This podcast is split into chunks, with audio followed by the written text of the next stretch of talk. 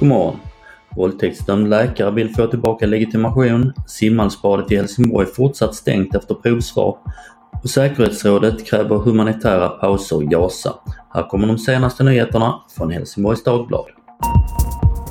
I januari 2021 avslöjades en läkare i Helsingborg som sexbrottsling. Han dömdes för ett fall av våldtäkt och fem fall av sexuellt ofredande på olika kvinnor. Att han skulle förlora sin läkarlegitimation gjorde att domstolen gav honom ett kortare straff än minimistraffet på två års fängelse.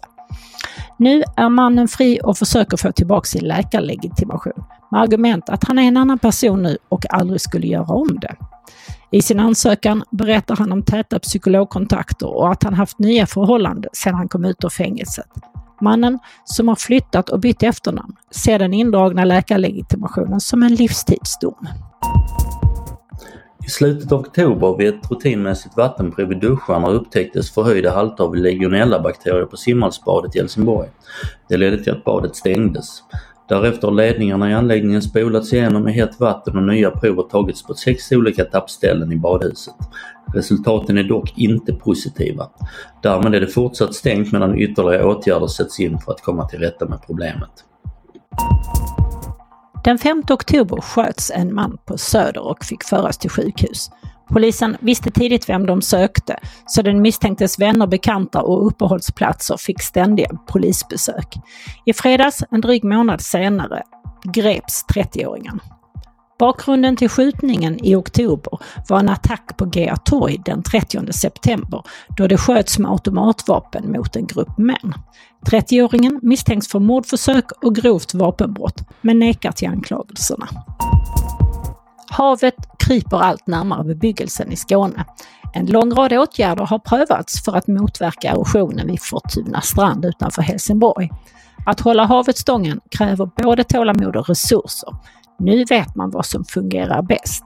Enligt en expertgrupp som har gett råd i kustprojektet och besökte stranden i förra veckan så kan en hård och robust mur inte förhindra erosionen. Mjuka skydd fungerar bäst. Även om sanden försvinner vid stormar så kommer de ofta tillbaks, förklarar Dirk Jan Wallstra som är expert på kusterosion. Att dynorna måste fyllas på jämför han med vanligt vägunderhåll. FNs säkerhetsråd kräver förlängda humanitära pauser i Gazaremsan. Uppmaningen från rådet är att brådskande och förlängda humanitära pauser och korridorer i hela Gazaremsan införs under ett tillräckligt antal dagar för att kunna möjliggöra för hjälp att nå civila i det belägrade territoriet. Tre stater avstod från att rösta, USA, Storbritannien och Ryssland. Till sist kan vi berätta att Ängelholms skivmässa med Jonas Brytner och Anders Jonsson i spetsen har flyttat till Förslöv för gott. Det var parkeringsbrist i Ängelholm som fick skiventusiasterna att flytta på sig. I år blir det den tredje mässan i församlingshemmet. På lördag den 18 klockan 11 till 14 är det dags. Vädret. Idag väntar en riktigt regnig och blåsig dag. Regnet ser ut att vara både kraftigt och ihållande under största delen av dagen. Temperaturen väntas ligga på 2 till 3 grader. Vinden blir måttligt till frisk och kommer från öster. Det var allt från Helsingborgs Dagblad den här morgonen. I studion Thomas Nilsson och Yvonne Johansson. Läs mer på hd.se. Vi hörs!